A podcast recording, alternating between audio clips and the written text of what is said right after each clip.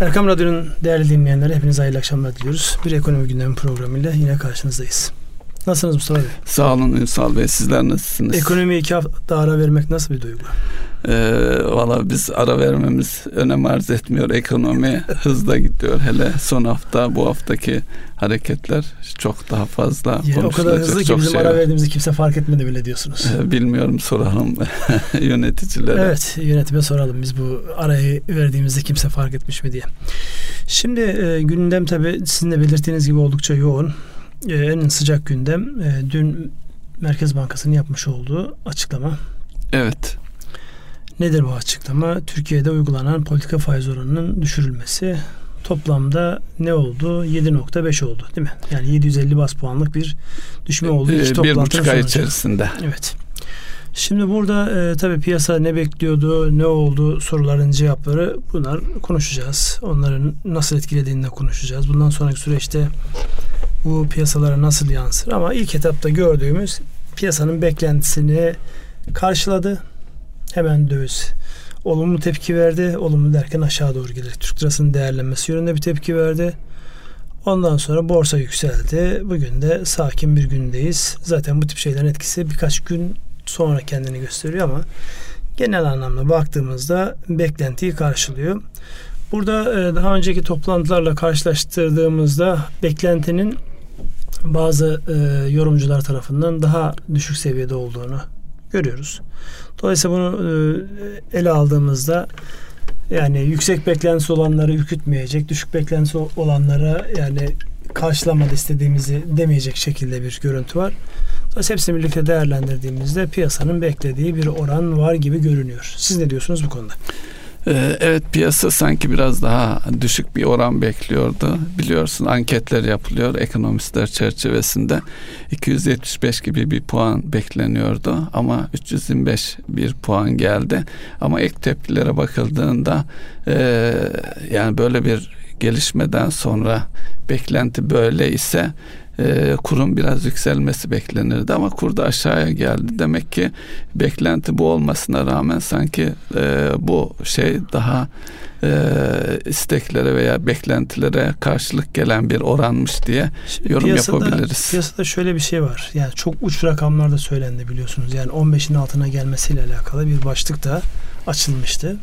O başlığı da değerlendirdiğimizde aslında zihin hepsini hazırlanmış. Yani verilen evet. tepkiden şunu görüyoruz. Zihnen piyasa olabilecek yani 250 bas puan, 325, 350, 500 hepsini aslında zihnen hazırlanmış piyasa. Dolayısıyla 500 gelmiş olsaydı bazı noktalarda sert tepki olabilirdi. Ama açıklanır açıklanmaz hemen 5.75'ten kurun 5.69'a gelmiş olması bu anlamdaki beklentileri biraz daha aşağı kırdı. Ama enteresan olan şey döviz mevduatında hala bir çözüm. Ee, evet. Yani kur aşağı gelse dahi insanlar hala daha pozisyonları muhafaza etmeye devam ediyorlar. Bu muhafaza etmenin ne kadar süreceği, çünkü bankacılık sistemi şu an e, bir anlamda sıkışmış vaziyette. E, elindeki kaynak dövize dönüyor. Döviz kullandıracağı alanlar giderek azalıyor. Dolayısıyla bunların hepsini birlikte değerlendirdiğimizde önümüzdeki dönemde yani bu para tercihiyle alakalı dolarizasyon insanların tasarruflarını yabancı parada tutma eğiliminde bu e, görüntü kendisini göstermeye devam edecek görünüyor diyebiliriz. Evet. Yanılıyorsam. Ee, yeri gelmişken o bilgiyi de verelim. Ee, döviz mevduatı 189.9 milyar dolara neredeyse 190 milyar dolara çıktı. Ee, son haftaki gelişmede 936 milyon dolar seviyesinde ve ağırlık bireylerde. Dolayısıyla şu anki e, seviyelerde tabi mevduatın getirisiyle e, kıyaslıyor olacak büyük bir ihtimalle e, döviz mevduatının seviyesini. Önümüzdeki günlerde buradaki tavrı görüyor olacağız.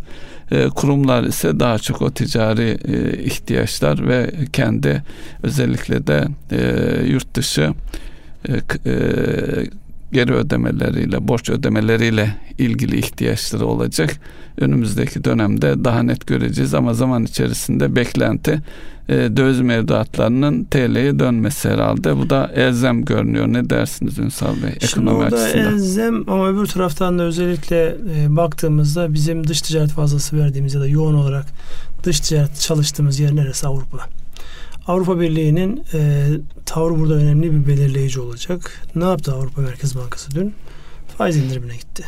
Ve yeniden varlık alımına başlayacağını yani Kasım ayından itibaren aylık 20 milyar euro seviyesinde e, tekrar varlık alımına geçip bankaların elinde uzun vadeli ve e, getirisi düşük olan e, kağıtlar alıp onların yerine daha canlı kanlı para aktarımı yapacak. Dolayısıyla bu piyasanın tekrar e, likiditeyle hemhal olması, likiditenin artması anlamına geliyor. Bu bize nasıl etki eder diye baktığımızda burada asıl soru o. Türkiye Cumhuriyeti hem devlet olarak hem bankalar olarak hangi piyasalardan borçlanıyor sorusunun cevabına bakmak lazım. Ve burada Avrupa'nın da çok ciddi bir payı var. Her ne kadar ilişkilerimiz inişli çıkışlı olsa dahi baktığımızda hala en yoğun ilişkilerimiz orada var. Türkiye'deki özel sektöre e, kaynak aktarmış yabancı sermayeye baktığımızda İspanyol Bankası var, İtalyan Bankası var. Yani bizim e, Amerika şey Almanya Almanya o kadar aktif değil bizim bankacılık sistemi içerisinde ama baktığımızda Avrupa'da çok ciddi e, rolü olan bankaların Türkiye'de iştirakları var, faaliyet gösteriyor. Uzantıları var, evet. evet. Dolayısıyla burada yani borçlanma noktasında ben e, Avrupa'daki bu gelişmeyi de duyunca, görünce çok fazla zorlanacağımızı ben düşünmüyorum. Yani zaten borçlanma noktasında biz hiçbir dönemde zorlanmadık. Sadece ödediğimiz bedeller Bedel arttı. arttı. Oraya da bakınca bu CDS denen kavram e, kendini gösteriyor. E, CDS'ler hala yüksek. Hala üst seviyelerde. Yani Türkiye'nin daha önce e, daha kötü dönemler yaşadığımız dönem şeylerdeki gibi CDS'ler yukarıda duruyor. Bunu nasıl aşağı çekeriz sorusunun cevabını arayacağız hep beraber bugün ve bundan sonraki süreçte görünüyor. Avrupa'daki e, faiz indiriminin ne anlama geldiğini, eksinin eksisine geçtiler adamlar artık. E, e, onu belki e, rakam olarak da söylemekte yarar var. Var yani 100 liranızı getiriyorsunuz sizden e, 100 40 euro, kuruş. euro diyelim. 100 euro getiriyorsunuz 40 kuruş e, şey alıyorlardı saklama parası alıyorlardı şimdi 50 kuruş 50 almaya kuruş başladılar. Ya da işte 50 sent almaya başladılar. 50 sent mi oluyor? Ha evet. Euro sent, oluyor. 50 euro sent 50 oluyor. Dolayısıyla 5 euro sent. Yok 5 değil o zaman %5 olur. Ha doğru evet haklısınız. Ee, şimdi buradan baktığımızda e, 50 euro sent kira ödemek zorundasınız paranızı sakladıkları için. Dolayısıyla burada insanları harcamaya teşvik ediyorlar. Aynı şey uzun süre, süre Japonya'da yaşandı. Sıfır faizle insanlar bankada değil de gitsinler harcasınlar, tasarruf etmesinler ama tabii bu Almanlarla Japonların bu anlamda enteresan e, şeyleri var, e, duruşları var. Yani ihtiyat ya da tasarruf etme eğilimi o sıcak paraya dokunma ve onun üzerinde oturma eğilimi çok yüksek. Bizde de tam tersi. Bizde borcun üzerinde oturmaktan Belki şey de denebilir yani adamlarda e, tasarruftan öte israftan kaçınma oturmuş bir kültür herhalde. Ee, Almanlar, Hepsi var. Evet. Şimdi kültür e, yani işte strateji bir e, işletmeden strateji çalışmadan önce ne yapıyorsunuz? Kültüre bakıyorsunuz. Nasıl bir kültür var ki oraya e, hangi stratejiyle yaklaşmak uygun düşer? Şimdi ah. kültür e, özellikle Japonlarda ve Almanlarda yani ahiret inancı e, biraz zayıfça. Dolayısıyla dünyada iyi olmak, iyi yaşamak. E bir de ömürler uzun. E, yaş ortalaması 46 olan Avrupa'da özellikle Almanya'da insanlar diyor ki 90-100 yaşına kadar yaşayacağım. Kimseye muhtaç olmadan kendi paramla evet. yaşayabileyim. Yani o dönemdeki konfor alanlarımdan çıkmamış olayım. Bu düşünce tabii insanlar tasarruf ediyor. Bizde nedir? Bizde işte çocuklar üzerinden kurgulanmış bir gelecek var. Ben yaşlanınca çocuklarım bana bakar. Evet. Orası da hızla değişiyor. Zaten yani kırılmalar, kültürel e, bozulmalar, değişmeler orada kendini gösteriyor. Dolayısıyla değişecek yani bundan sonraki süreçte de insanlar Bu, bir şekilde e, eğilimlerini değiştirecekler. İsraf tasarrufla ilgili olarak Ünsal Bey e, biliyorsunuz dünyada normlar, standartlar Almanlar tarafından e, gerçekleştirilmiş durumda. Almanların meşhur e, din normu var. E, bu şunu ne, ne üretiyorsanız pencere, kapı neyse belli bir standart dahilinde üretmek zorundasınız.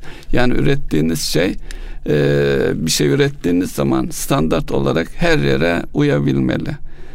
bu da ciddi bir tasarruf ve israftan kaçınmayı sağlıyor. Bu kültür tüm e, dünyayı da zaten Amerika, Alman bankalar tarafından yayılmış durumda. Onu da belki vurgulamakta e, yeri geldi yarar var. Evet şimdi gün, gündem ve güncel ekonomi deyince artık Almanların kültürünü çok fazla bence e, burada yürümeyelim. Daha sonraki Peki. dönemlerde ama kültürün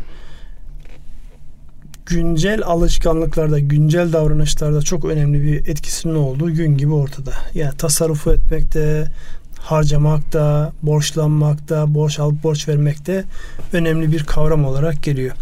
Bu arada e, sadece bir başlık olarak not almışım ondan değineyim.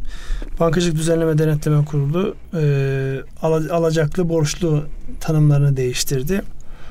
Burada ne anlama geliyor? Yakın zamanda özellikle e, sıkıntılı alacakların yeniden yapılandırılması ile alakalı bir düzenleme yapılmıştı. Onun devamı olarak bu alacakların gerektiğinde yurt dışı fonlara, başka kaynaklara da satılmasında mevzuat anlamında alacaklı tanımını genişleterek fonları ve diğer bu şekilde varlık yönetimi şirketlerine dahil ederek hukuken yarın öbür gün benim buna borcum vardı yoktu gibi e, itirazların da önüne geçmenin bir düzenlemesini yapmışlar diyelim ve geçelim. Yani e, finansal yeniden yapılanmayı kolaylaştıran bir tanımlamaya gidilmiş. Arkasında bir mühendislik daha çalışmış. Yani yapılandırmayı e, yapınca banka alacağını tahsil etme noktasında eğer bunu bir başkasıyla paylaşacaksa bu alacağını ona imkan sağlayan, ona kolaylık sağlayan bir düzenleme. Yani önce yapılandırdı ama hala bu yapılandırdı alacakla alakalı ben bunu kendi portföyümde tutmayayım, satayım dediğinde o alacağı bir başkasına satabilmenin e, bir anlamda mühendislik, finans mühendisliği anlamında arka tarafta mevzuatında düzenlemiş oldular diyelim. Öyle geçelim. Evet buyurunuz. Mal piyasalarıyla alakalı söyleyeceğiniz bir şey var mı? Ee, Bitti bu, Avrupa.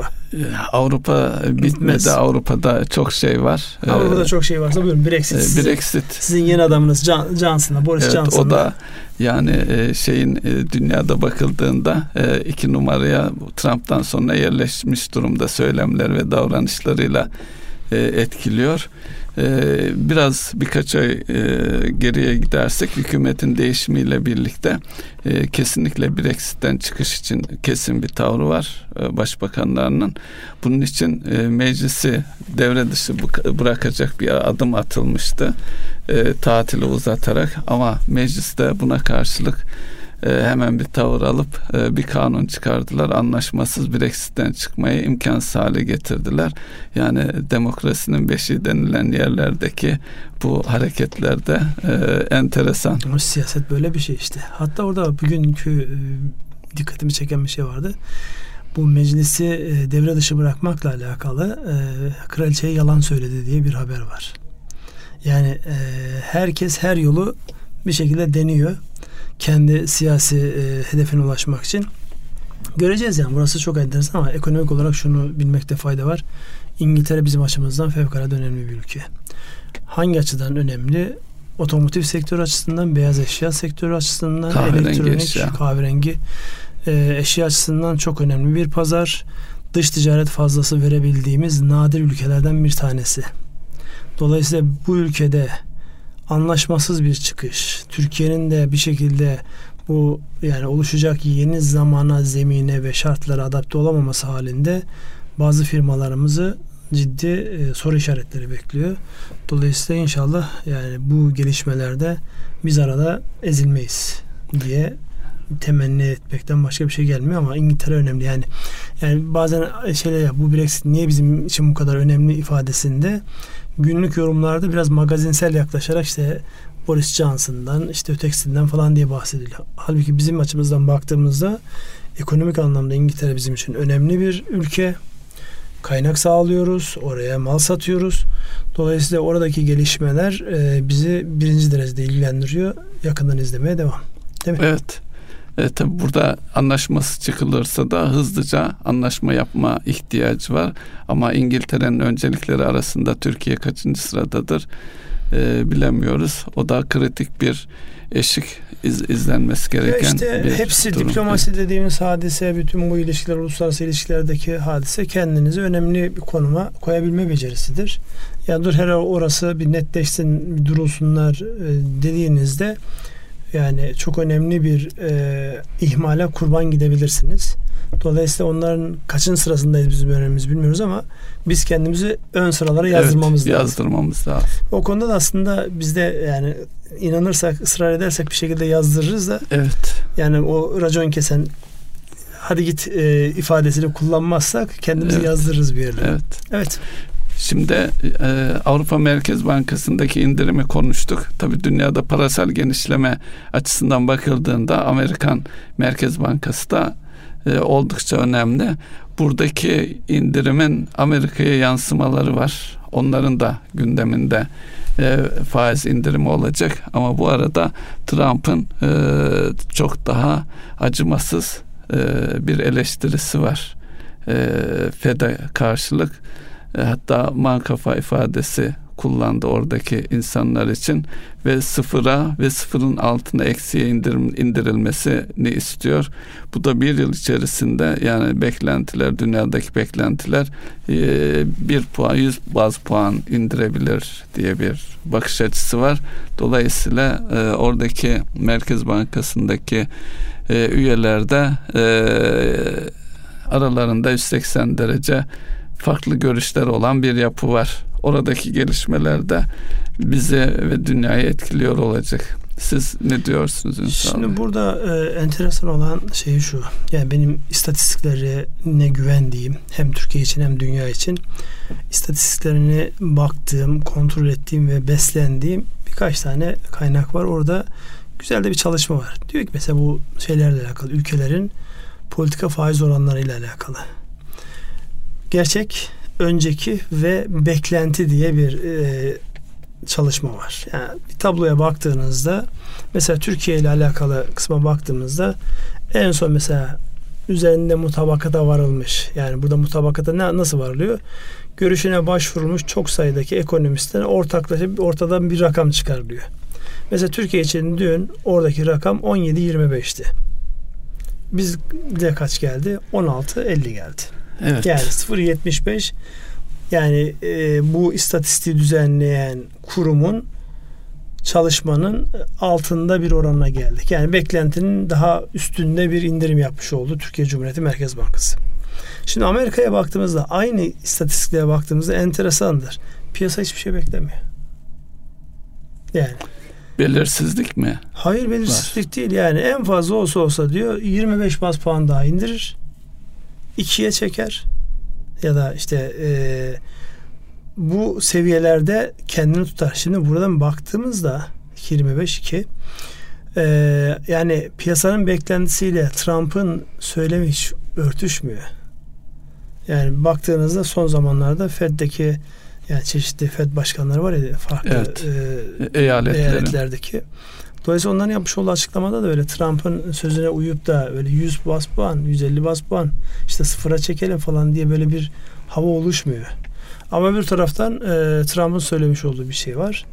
Yani Avrupa bunu yaparken, Çin ticaret savaşında bu kadar sert oynarken bizim Fed oturuyor aynen ifadeyle oturdukları yerde oturuyorlar. Başka bir şey yapmıyorlar. Sadece oturuyorlar. Dolayısıyla bizim elimizi zayıflatıyor gibi böyle bir e, faturayı kesen çıkacak maliyeti bir anlamda para otoritesine yükleyen bir tarzı var. Hep olmuştur da bundan sonra da olmaya devam edecek. Fakat dediğim gibi burada beklenti anlamında Trump'ın dışında çok böyle büyük bir beklenti yok. Ama burada. sonuçta doğuruyor neticedeki o söylemleri. Ee, ilk başladığı zaman da faiz indirilmeli diye söylemi e, faiz artırımından faiz indirimine Orada çevirdi. haklı çıktı tabii ki yani orada yani bir şey var şimdi siyasetçinin seçilmekle alakalı tekrar beğenilmekle kabul görmekle alakalı bir kaygısı var. Teknik adamın böyle bir kaygısı yok. Teknik adam elindeki verilere göre hareket ediyor. Bir de e, yine teknik adamın bilmediği siyasetçilerin arka tarafta yapmış oldukları pazarlıklar, kavgalar var. Onun Onun nereye yansıyacağını Ha, görüyor. Görüyor onlar Görüyor. evet. Yani e, bir de kendisini biliyor kişi. Ben nereye e, problem çıkarırım, kiminle kavga ederim. Dolayısıyla bunun yansımaları ne olur? Üç aşağı beş yukarı bilinir. Çünkü ticaretin içerisinden gelen insanlar bunlar. Dolayısıyla yani siyasetçinin onu görmesi, oraya bastırması, teknik elemanlarında e, elindeki datalarla tamam biz bunu yapalım ama diye cümleye başlayıp onu haklı çıkaracak gerekçeleri görmesi ki bizdeki mesela e, indirimde gelecekteki enflasyonun oturacağı yer dikkate alınarak indirildi diye şey şu an. Onu gel- biraz daha açabilir misiniz Ünsal Bey? Beklentilerle ilgili önümüzdeki en azından yılbaşına kadar Merkez Bankası nereye kadar gelir? Şimdi bununla alakalı e, zaten hemen e, Merkez Bankası'nda yani oradakiler yerinde olmak istemem. Adamlar karar açıkladıkları dakikada hemen şu tartışma. Peki yıl sonunda ne olur? Şimdi yıl sonunda ne olur? Ama Onunla piyasanın alakalı, o bilgiye ihtiyacı var. Piyasanın o bilgiye ihtiyacı var ama piyasanın bir bilgiye daha ihtiyacı var. Enflasyonun kaç olacağını söylesen. Bilmiyorsun ki. Evet. Şimdi baz etkisiyle geçen sene ani yukarı giden şeyle Eylül ayında onun altına ineceği çok net görünüyor yani.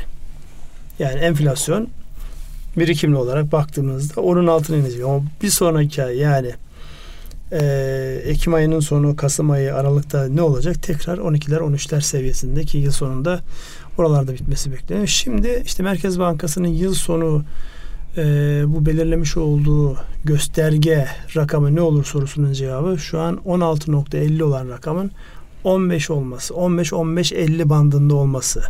Yani burada bir 100-150 baz puanlık bir daha e, indirimin olabileceğine dair bir beklenti var. E, olur mu?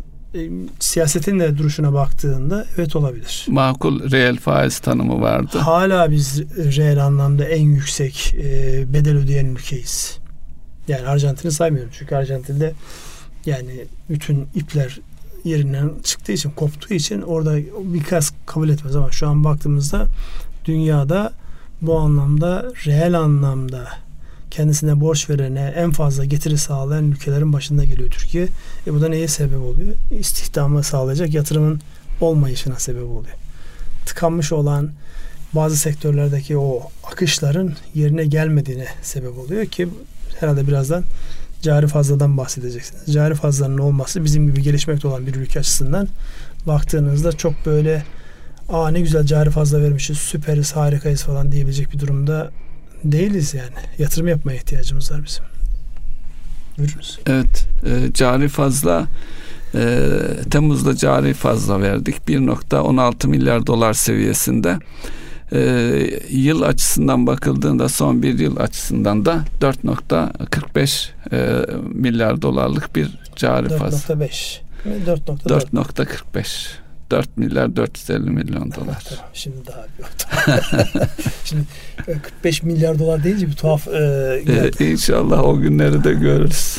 Fazla verdiğimiz dönemler mi? Evet, evet o seviyede olur. fazla verdiğimiz evet. dönemleri görürüz. Ee, tabii bu e, cari fazla vermek e, bir nevi e, bizim döviz ihtiyacını azaltan bir şey gibi dursa da özellikle yatırımlar açısından e, üretim açısından e, ihtiyacımız olan aramalları ve diğer şeyleri yeterince e, ithal etmediğimizi gösteriyor. Tabi e, enerji noktasında da ciddi bir alıcıyız. Tabi üretimle bağlantılı olarak oralarda da bir takım e, sıkıntılarımız var. Enerji noktasında özellikle doğalgazdan elektrik üretimi noktasında çok ciddi bir kazanım gelişme elde edildi. Yani bir ara hatırlarsanız %55'lere kadar çıkmıştı bizim elektrik üretimimizin doğalgaza endeksli olması. E şimdi 28'ler 30'lar bandında 11. E, kalkınma planında bu 20'lere çekilecek diye bir görüntü var. Hatta bu hafta hatırlarsanız bu doğalgaz çevrim santrali yatırımından dolayı e, gecikmeye uğramış alacaklarla alakalı da bir bankacılık sisteminde bir e, önemli bir konuydu o da. Bir başlıkta onun evet. tekrar ele alındığını, rakamların tekrar üzerinden geçildiği, toplam enerji üretimi ve dağıtımı ile alakalı bankacılık sisteminin kullandırmış olduğu 47 milyar dolar gibi bir rakam var. Onun 10-11 ya da 11-12 milyar dolar civarındaki kısmının planlanandan daha farklı geliştiği iyi ya da kötü demeyeceğiz ama olduğu beklendiği gibi olmadığından dolayı o tutarın biraz böyle rötara uğradığı, gecikmelere uğradığı. Dolayısıyla bununla alakalı bir yapılandırmanın halbuki daha önceki düşünce neydi? Enerji sektöründe kullandırılmış olan bu anlamda kullandırılan kredilerin neredeyse önemli bir kısmının sıkıntılı olduğuna yönelik bir e, dezenformasyon vardı. En azından bu açıklamayı yapmış olmaları yani bizim bu anlamda rakamları daha iyi kullanıyor olmamız verileri gerçek anlamda yani sadece lehimize olanları değil lehimize ve aleyhimize olanları doğru kullanıp lehimize olanları nasıl kuvvetlendiririz, aleyhimize olanları nasıl lehimize çeviririz diye yani ister devlet yönetelim ister şirket yönetelim bunun üzerine daha fazla kafa yormamız bununla yüzleşmekten çekinmememiz gerektiği bir realite. Yani orada da e, Bankalar Birliği'nin böyle bir açıklama yapmış olması yani ben kendi adıma evet yani daha netleşti kafamızda. Çünkü uzun yıllar hatırlar mısınız? Denizcilik sektörüyle alakalı ne sorusunun cevabını bilmiyorduk. Evet. Bir türlü açıklanmıyordu ya da işte her banka kendi içerisindeydi. Bu tip böyle sektörel açıklamalar yani sektörün geleceğiyle alakalı da insanların içine pozitif anlamda bir enerji katma noktasında olumlu etki yapar diye düşünüyorum. Onun için ben faydalı görüyorum. Ben. Orada bir de şey açıklandı Ünsal Bey. BDDK 1 milyar 9 milyon dolarlık bir e, çevrim santrali enerji yatırımıyla ilgili takip hesaplarına atılmasıyla ilgili orada da üç tane çevrim santralinden bahsediliyor. Bunu da belki doğru e, algılamak açısından bunlar e, sorunlu ancak e, ortada bir sant, e, üç tane santral var. Bunlar çalışabilir hatta çalışıyor kısmen. Dolayısıyla enerji üretimi açısından da e, yani boşa gitmiş bir şey olarak da bakmamak lazım. De Ama, az önce de ilk girizgahta evet. şey dedi mi yani planlandığı gibi olmadı. Yani o dönemde ilk yapılırken hatırlıyorum çok da böyle Türkiye'nin büyük holdinglerinden bir tanesinin ilk o santral devreye girdiğinde oldukça da ses getirmişti. Fakat daha sonra doğalgaz fiyatlarının doğalgazdan elektrik üretmeyi cazip olmaktan çıkarması sebebiyle yani onun yerine diğer alternatif e, kaynaklardan üretmeyi, orayı ön plana çıkarmayı tercih ettiler. Yatırım boşa yapılmış bir yatırım denemez ama ve lakin başlangıçta düşünüldüğü fizibilite karlılık tutmadı. Nakit üretimi. Çünkü işletme nakit üretmiyorsa e, sürdüremezsiniz. Yani bir yerde çakılı kalırsınız. Eğer diğer dış kaynaklarınız onu destekleyecek kadar büyükse ne hala değilse başka işlerinizi de götürebilir. Dolayısıyla e, bunların daha e, bundan sonraki süreçte daha bilinçli olarak yapılması özellikle Türkiye'de yenilenebilir enerjiyle alakalı atılmış adımlar ve bununla alakalı gerçi yatırımlar aynı hızla gidiyor mu? O konuda e, Güneş de gidiyormuş. Güneş de gidiyor da diğerlerinde o kadar şey değil, e, hızlı değil. Çünkü e, hukuki problemler var. İşte e, imariydi, iskanıydı, izinleriydi. Çevreydi. Hepsinden önemlisi finansman. Evet. Yani şu an finans sektörü çok iştahlı değil oralara. Hiçbir tarafa iştahlı değil. Dolayısıyla iştahın olmadığı yerde insanlar da nasıl yatırım yapacaklar sorusunun cevabını arıyorlar. Neyse. Evet burada bir e, gelmişken enerjiden bahsetmişken e, doğalgazda da biraz hafif dokunmuşken gelelim e, bizim olmazsa olmaz e, sohbetlerimizden bir tanesi Brent petrol. 59-60 dolarlar seviyesinde. Burada çok zikzaklı bir hal var. Yani baktığımızda 75-80 dolarlar seviyesinden geldi. Bir ara hatta biliyorsunuz 51-52 dolarlara kadar düştü. Şimdi 60 dolarlar e, seviyesinde hareket ediyor. Hep söylüyoruz bu seviyede olması bizim lehimize. Netice itibariyle biz net alıcıyız orada. Siz ne diyorsunuz? Ee, evet e, petrol fiyatlarının aşağı gelmesi bizim lehimize. Ama dünyaya bakıldığında petrol fiyatlarıyla ilgili bu senenin dalgalanmayla geçeceği biliniyordu zaten. O yönde de geçiyor. E, bu arada e, en büyük petrol üreticilerinden biri olan Suudi Arabistan'da bakan değişti. Oradaki ifadede tarihinde ilk kez e, kraliyet e, ailesinden birisi bakan oldu. Bu da ve açıklamada e, az azledilen bir bakan e, ve atanan bir prens var ve ilk açıklaması da e, her şeyin olduğu gibi eskisi gibi devam edeceği, bir şeyin değişmeyeceği. O zaman ne diye değişti diye bir e, şeylerde piyasalarda görüş ortaya çıktı. Ama son dönemde e, bu petrol şirketi Aramco'nun halka arzı konuşuluyor idi e, Suudi Arabistan petrol gelirleri e, bir diğer ifadeyle de petrol fiyatlarının e, aşağıda kalması Suudi Arabistan bütçesinde dengesizliğe neden oluyor. Yani oradaki e, o dengeyi bulabilmesi için petrol fiyatlarının 80-85 dolarlar seviyesinden aşağı gelmemesi. En ucuz petrol onlar çıkarıyor. Ne Bekle yaptılar? ama ne orada bütçe bütçe dengesi için çıkartıp işte harcıyorlar ya. E, bu şeyin aşağıda kalması bu en değerli şirketin ki dünyadaki en değerli şirket olarak e, görülüyor. E, 2 trilyon dolar gibi bir bedel e, değer olabileceği düşünülüyor. Ancak şunu da söylüyorlar bu e, şirketin değerini tam olarak bilemiyoruz. bilemiyoruzun altında da enteresan bir şekilde bu şirketin daha doğrusu Suudi Arabistan'ın e, petrol yataklarının e, büyüklüğü, verimi bir takım konularda da yeterince bilgiye sahip olunmadığı gibi bir şey var.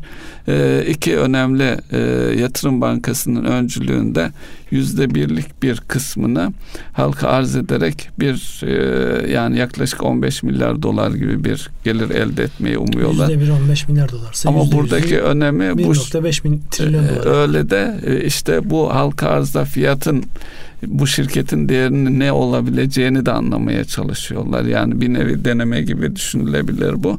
Ee, bunun için de özellikle son dönemde bu yeni bakanla birlikte petrol fiyatlarını yukarıya doğru çekecek. Çünkü petrol fiyatları yukarı gittiğinde doğal olarak şirketin değeri de e, yüksek olacağı için e, o yönde manipülasyonlar bekleniyor ki e, bir takım şeylerde karşılıklı yapıldığı görülüyor. Burada e, tabii yine emtiaya girmişken emtiyada önemli bir başlık. Hem emtia hem tasarruf aracı olan altın. Şimdi altına baktığımızda altın hala 1500 e, doların üzerinde bir fiyatta ki bugün oldukça sert hareketleri var. Yani %7'ye %8'lere varan artışlar var altında. E, bir ara 560 dolar 1560 dolara kadar çıkmıştı. Sonra işte 1500 doların altına inince acaba tekrar aşağı mı geliyor dendi. Fakat son dönemdeki bu tartışmalar, atışmalar, özellikle merkez bankalarının eksiye dönmeleri altının cazibesini hala muhafaza ediyor. Burada da bizim açımızdan baktığımızda biz de Türkiye'nin dünyanın en önemli altın ithalatçılarından bir tanesiyiz. O açıdan bu fiyatlar önemli. Özellikle e, bu düğün dönemlerinde artık insanlar altını evet. yavaş yavaş gündemden çıkarıp doğrudan e, milli para üzerinden e, hediyeleşme yoluna gidiyorlar gibi bir e, şey var, gelişme var. Artık kimse kuyumcuların önünde ya da işte sarrafların önünde altın almak için sıraya girmiyor. Kendi parasıyla kullanıyor. Evet. Neyse buna değindik. Asıl işte. alan altın alan Merkez Bankamız Merkez onun altında çizmemiz lazım. O işin tabi e, latife kısmı. Şimdi e, burada tabi e, mal piyasalarından bunu bahsederken özellikle önümüzdeki dönemde işletmelerin gündeminde ne olur, ne olmalı? Yani çok fazla böyle para piyasalarına, mal piyasalarına dalarsak yani e, belki dinleyenler açısından şöyle bir şey çıkar. E de yani biz zaten bunları duyuyoruz. Bize ne faydası Bize var? yansıyan nedir? Bize yansıyan ne olur derler. İş hayatına nasıl yansıyor bu? Yani bugün mesela sanayi e, ile alakalı istatistikler yayınlandı. Aylık bazda baktığımızda ve yıllık bazda baktığımızda farklı şeyler var. Yani kapasitelerinin kullanımı, işletmelerin piyasalara istedikleri malı üretip üretmedikleriyle alakalı bunlarla alakalı bir şeyler konuşursak programda zaten bir hayli ilerlettik. Bunu da hmm, konuşmuş oluruz. Evet işletmeler tarafında e, ne demek gerekiyor? Sanayi üretiminde dikkat alarak önümüzdeki dönemde yıl sonunda artık yavaş yavaş kendini gösterdi. Son çeyreğe giriyoruz. Bu dönemde işletmeler ne bekliyor? Neler olur? Artık 2020 konuşulmaya başlandı. 2020'de neleri beklemeliyiz? Burada hangi göstergeler var? Onların üzerinden biraz konuşalım. Zaten dediğim gibi programda süre olarak ilerledi. Bunu bu şekilde değerlendirmiş olalım. Ee, sanayi üretim bilgisini verelim isterseniz Ünsal Bey. Yıllıkta 1.2 düştü. Geçen ay itibariyle yani bu önümüzdeki e, istatistik Temmuz'a ilişkin Haziran ayına göre de 4.3'lük bir artış var. Tabii bu e, biz pozitif tarafı dikkate alalım. Bir artış e, başladığını ifade edebiliriz üretimde e, sanayi tarafında. E, tabii genel olarak e, iş adamlarının, firmalarımızın e, geleceğe ilişkin ne düşündüğü, e, neyi beklediğine bakmak lazım. E, başta konuştuğumuz bankacılık sistemiyle ilgili e, yani kredi talebinin, kredi iştahının e, ne olacağı piyasadan, bankaların bunu nasıl karşılayacağı e, ve e, üretim tarafında da e, üretimin ne seviyede olacağı, e, dönüp talep tarafında neler olacağı na ilişkin bir e, beklenti oluşturmak gerekiyor. Sanıyorum bununla ilgili de e, aşağı yukarı e, dünyadaki ve içerideki gelişmeler e, finansmana ulaşmakta çok fazla sıkıntı yaşanmayacağını gösteriyor. Ama bu arada da ülkemizle ilgili e, bu ekonomik programın e, önümüzdeki yıla ilişkin bölümünün güncellenmesi bekleniyor. O da bu ay içerisinde açıklanacak. Belki e, bir takım yatırım düşünen insanların e, bunu bekliyor olması lazım. Tabi bu arada yine dönüp bankacılık sistemine bakıldığında e, sıkıntılı kredilerin banka bilançolarının dışından çıkarılması ve bankaların yeni kaynaklara ulaşması e, hepsi birbir içerisinde geçmiş bir halde bekliyor. Nasıl yorumlarsınız? Yani burada yorumlanacak şey e, çokça konuşma var ama icraat noktasında yürümemiz gereken bir dönemde. Yani mesela böyle bir dönemde artık 11. kalkınma planının açıklandığı, programın netleştiği bir ortamda yani bakıyorum mesela iş dünyasında kabine değişikliği ile alakalı yoğun bir gündem var ki ya iş dünyasının önem verdiği konulardan bir tanesi. Yani bunların netleşip gerçekten e, yönetimle yani kamu yönetimiyle işletmelerin uyumlu bir şekilde işte ihtiyaçların giderilmesi, bankacılık sisteminin bu anlamda kaynağı e, bir hakkın yerli yerince vermesi. Çünkü özel sektör bankaları hala e, çekingen davranıyor. Her ne kadar bu kamunun başlatmış olduğu konut finansmanı ile alakalı şeylere indirimlere, fiyatlara yaklaşan özel sektör bankalar da olsa belli bir kotasyonla geliyorlar. Öyle ucu açık bir hadise değil. E, dolayısıyla bunun bir bütün olarak ele alınabileceği bir e, çalışma. Bu arada e, tekelden borçlanma ile alakalı bir düzenleme yapıldı. Kamunun tekelden borçlanması ile O ne anlama geliyor Ünsal Bey? Yani şimdi burada e, bir yeknesaklık sağlanması hadisesi. Özellikle kamu borçlanırken kamuyu temsilen farklı kurumların farklı yöntemlerle borçlanması yerine bunun tekelden yürütülmesi bu doğru bir bakış açısı. Yani bu anlamda herhangi bir problem yok. Yani daha önceden kamu finansmanı genel müdürlüğü vardı eski o hazinenin olduğu dönemde. Sonra bu yeni yapılanmada biraz farklı yerler çıktı. İşte varlık fonu geldi devreye, bankalar var. Ee, şimdi de borçlanma genel müdürlüğü adı altında bir yapılanmanın oluşmuş olması. Bundan sonraki süreçte en azından yani borç ihtiyacının önceden görülmesi, planlanması, hangi piyasalara çıkılacağı, hangi şartlarla çıkılacağı bir yeknesaklık sağlanmasına ihtiyaç var. Çünkü bizde özellikle bankacılık sektöründen şunu biliyoruz. Her bankanın tabii ki kredibilitesine göre e, farklı oranlara maruz kalıyor. Onun bir böyle gösterge olabilecek bir çalışmayla yürümesi her zaman tercih edilir bir hadise. Kamunun da bu anlamda olması icap ediyor. Ve onu o düzenleme gelmiş durumda. Dediğim gibi önümüzdeki dönemde yani bizim e, özellikle organizasyonlarla alakalı az şeyi konuşup işle alakalı çok şeyi yapar hale gelmemiz lazım. Merkez Bankası bu anlamda işaret fişeğini attı. Yani yönünün ne tarafı olduğunu gösterdi. Hala yüksek olmakla beraber ama e, bu senenin başındaki yani Ocak, Şubat, Mart'taki gibi değiliz. Şu an baktığımızda e, tabii ki firmalarına göre değişmekle beraber daha işletme kredileri makul hale gelmeye başladı eğer limitiniz varsa.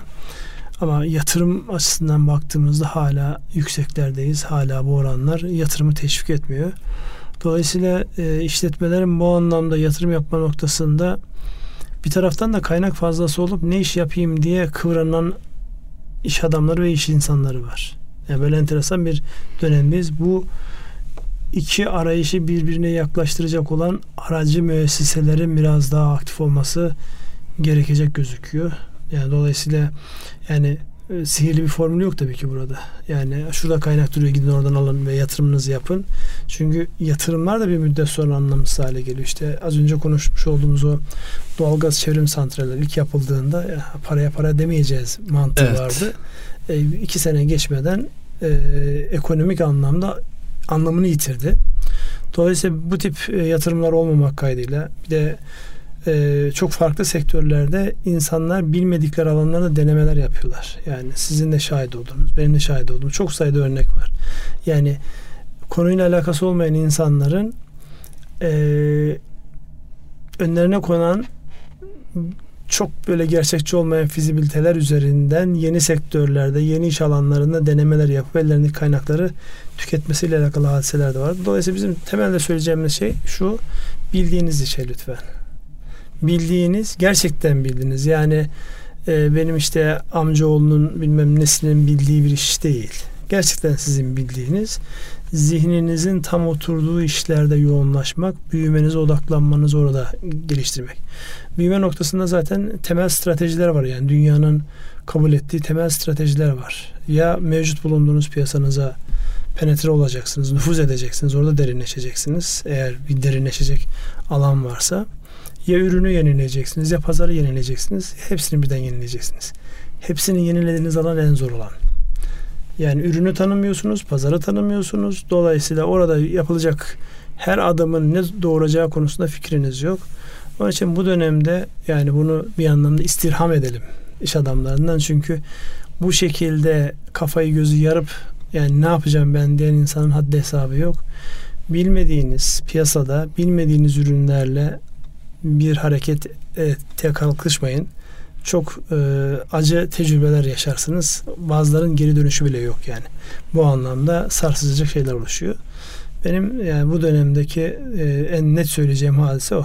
Bildiğiniz piyasa derinleşebiliyorsa para kazandığınız, nakit üretebildiğiniz ölçüde devam edin. Eğer bildiğiniz piyasanın yanına yeni ürünler koyarak satabileceğini düşünüyorsanız evet yeni ürünleri deneyin. Bildiğiniz ürünleri bilmediğiniz ama size para kazandıracak piyasalarda deneyebilirsiniz. Fakat yeni ürün, yeni piyasa yani benim oyum orada eğer bir oy hakkım varsa negatif oy kullanıyorum. E, yalnız Ünsal Bey şimdi onlara da e, gidip sorsak işte yumurtaları aynı sepete koymamak gibi şeyler söyleyebilirler. Tabi burada çok önemli bir şey söylediniz. En azından kendi ana işlerini örselemeyecek bir e, finansal kaynakları varsa başka işlere ihtiyatlı bir şekilde oldukça e, araştırarak ve doğru kişilerle e, girmeliler diye biraz yumuşatabilir miyiz? Yani yumuşatabiliriz. Yani zaten örnekler de bu yönde. Yani bakıyorsunuz böyle çok sayıda faaliyet alanı olan ya da farklı şirketler olan gruplar sıkıntıya girmiş. Niye girmiş? Gayet iyi olan işlerine yanında bir fantazi, bir deneme ve bilmedikleri bir alanda bir deneme öbür taraftaki bütün işlerde bir birbirine kuyruklarıyla bağlı olduğu için yani nerede bağlı finansman sağlarken yeni kurulan işletme olduğu için ha diyor ki ötekisinin bana şeyini ver. Ee, e, imzasını, imzasını ver. ver. Oradan nakit akışını bu tarafa doğru aktarıyorsunuz. Dolayısıyla mevcut olan işiniz de bozulmaya başlıyor. Bu farklı şirketlerde olabileceği gibi aynı şirketin içerisindeki farklı iş birimlerinde de olabilir. Yani çok iyi yürüyen bir iş birimini kötü olan düzelme ihtimali belki hiç olmayan bir iş birimini düzelteceğim diye bozma riski de var. Dolayısıyla yani bizim o e, hatırlarsanız bankacılık başladığımız yıllarda Türkiye ilk geldiğinde ya bu ne demek falan diyor herkes. Kar merkezi. Hmm. Her bir iş biriminin kar ayrı bir kar, kar merkezi olması. Yani ne katma değer üretiyorum, ne kadar e, maliyetim var sorusuyla hareket etmesi. Dolayısıyla ister aynı işletme içerisinde farklı iş birimleri olsun, ister bir böyle holding yapılanması gibi çok sayıda şirketin bulunduğu yapım birbirine zarar vermeyecek, birbirine katma değer sağlayacak ve her birinin ayrı ayrı kar merkezi olarak düşünüldüğü yapılara ihtiyaç var. Aksi takdirde yani bir taraf iyi öbür taraf kötü toplam sıfır hatta eksi. Onun için onu yaşamamız açısından buna özen gösterilmesi iyi olur diyoruz. Bu arada sen saat zaman bitti diye e, evet gösteriyorsun. Evet zaman bitti. Hadi kapanış cümlesinde eksik kalan kısımdan birkaç cümle edelim ve kapatalım. Ee, evet neticede e, günlük ekonomi işliyor. E, gele gele herkes gelip gelip kendi gerçekleriyle yüzleşip kendi, e, ister birey olsun ister firmalar olsun kendi gerçekleriyle hareket etmek durumunda. Ama bunları yaparken de içinde bulunduğumuz koşullar aldığımız kararları etkiliyor.